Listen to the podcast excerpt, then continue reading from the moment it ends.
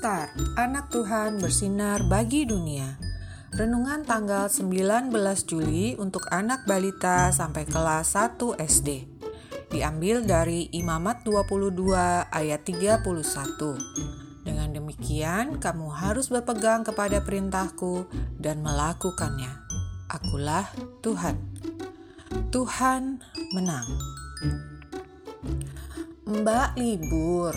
Jadi, semuanya mulai hari ini masing-masing punya tugas untuk membersihkan rumah ya. Kata Mama kepada Mentari, Bulan, Bintang, dan Papa. Mentari giliran membantu Mama untuk membereskan meja makan. Tapi, Mentari berlari ke ruang keluarga untuk menonton TV. Mama mendatangi Mentari yang sedang asik menonton kartun kesukaannya. Mentari kan punya tugas. Kenapa Mentari malah menonton kartun di sini? Tanya Mama ke Mentari. Ya, Ma, ini kan kartun kesukaan Mentari. Mentari gak mau ketinggalan. Jawab Mentari sedikit kesal.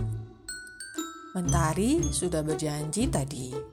Masing-masing punya tugas. Sekarang giliran Mentari yang membereskan meja makan. Tegur Mama. Adik-adik, Mentari sudah berjanji tapi tidak menepatinya. Adik-adik kalau berjanji pada mama papa, jangan lupa untuk menepati janji itu ya.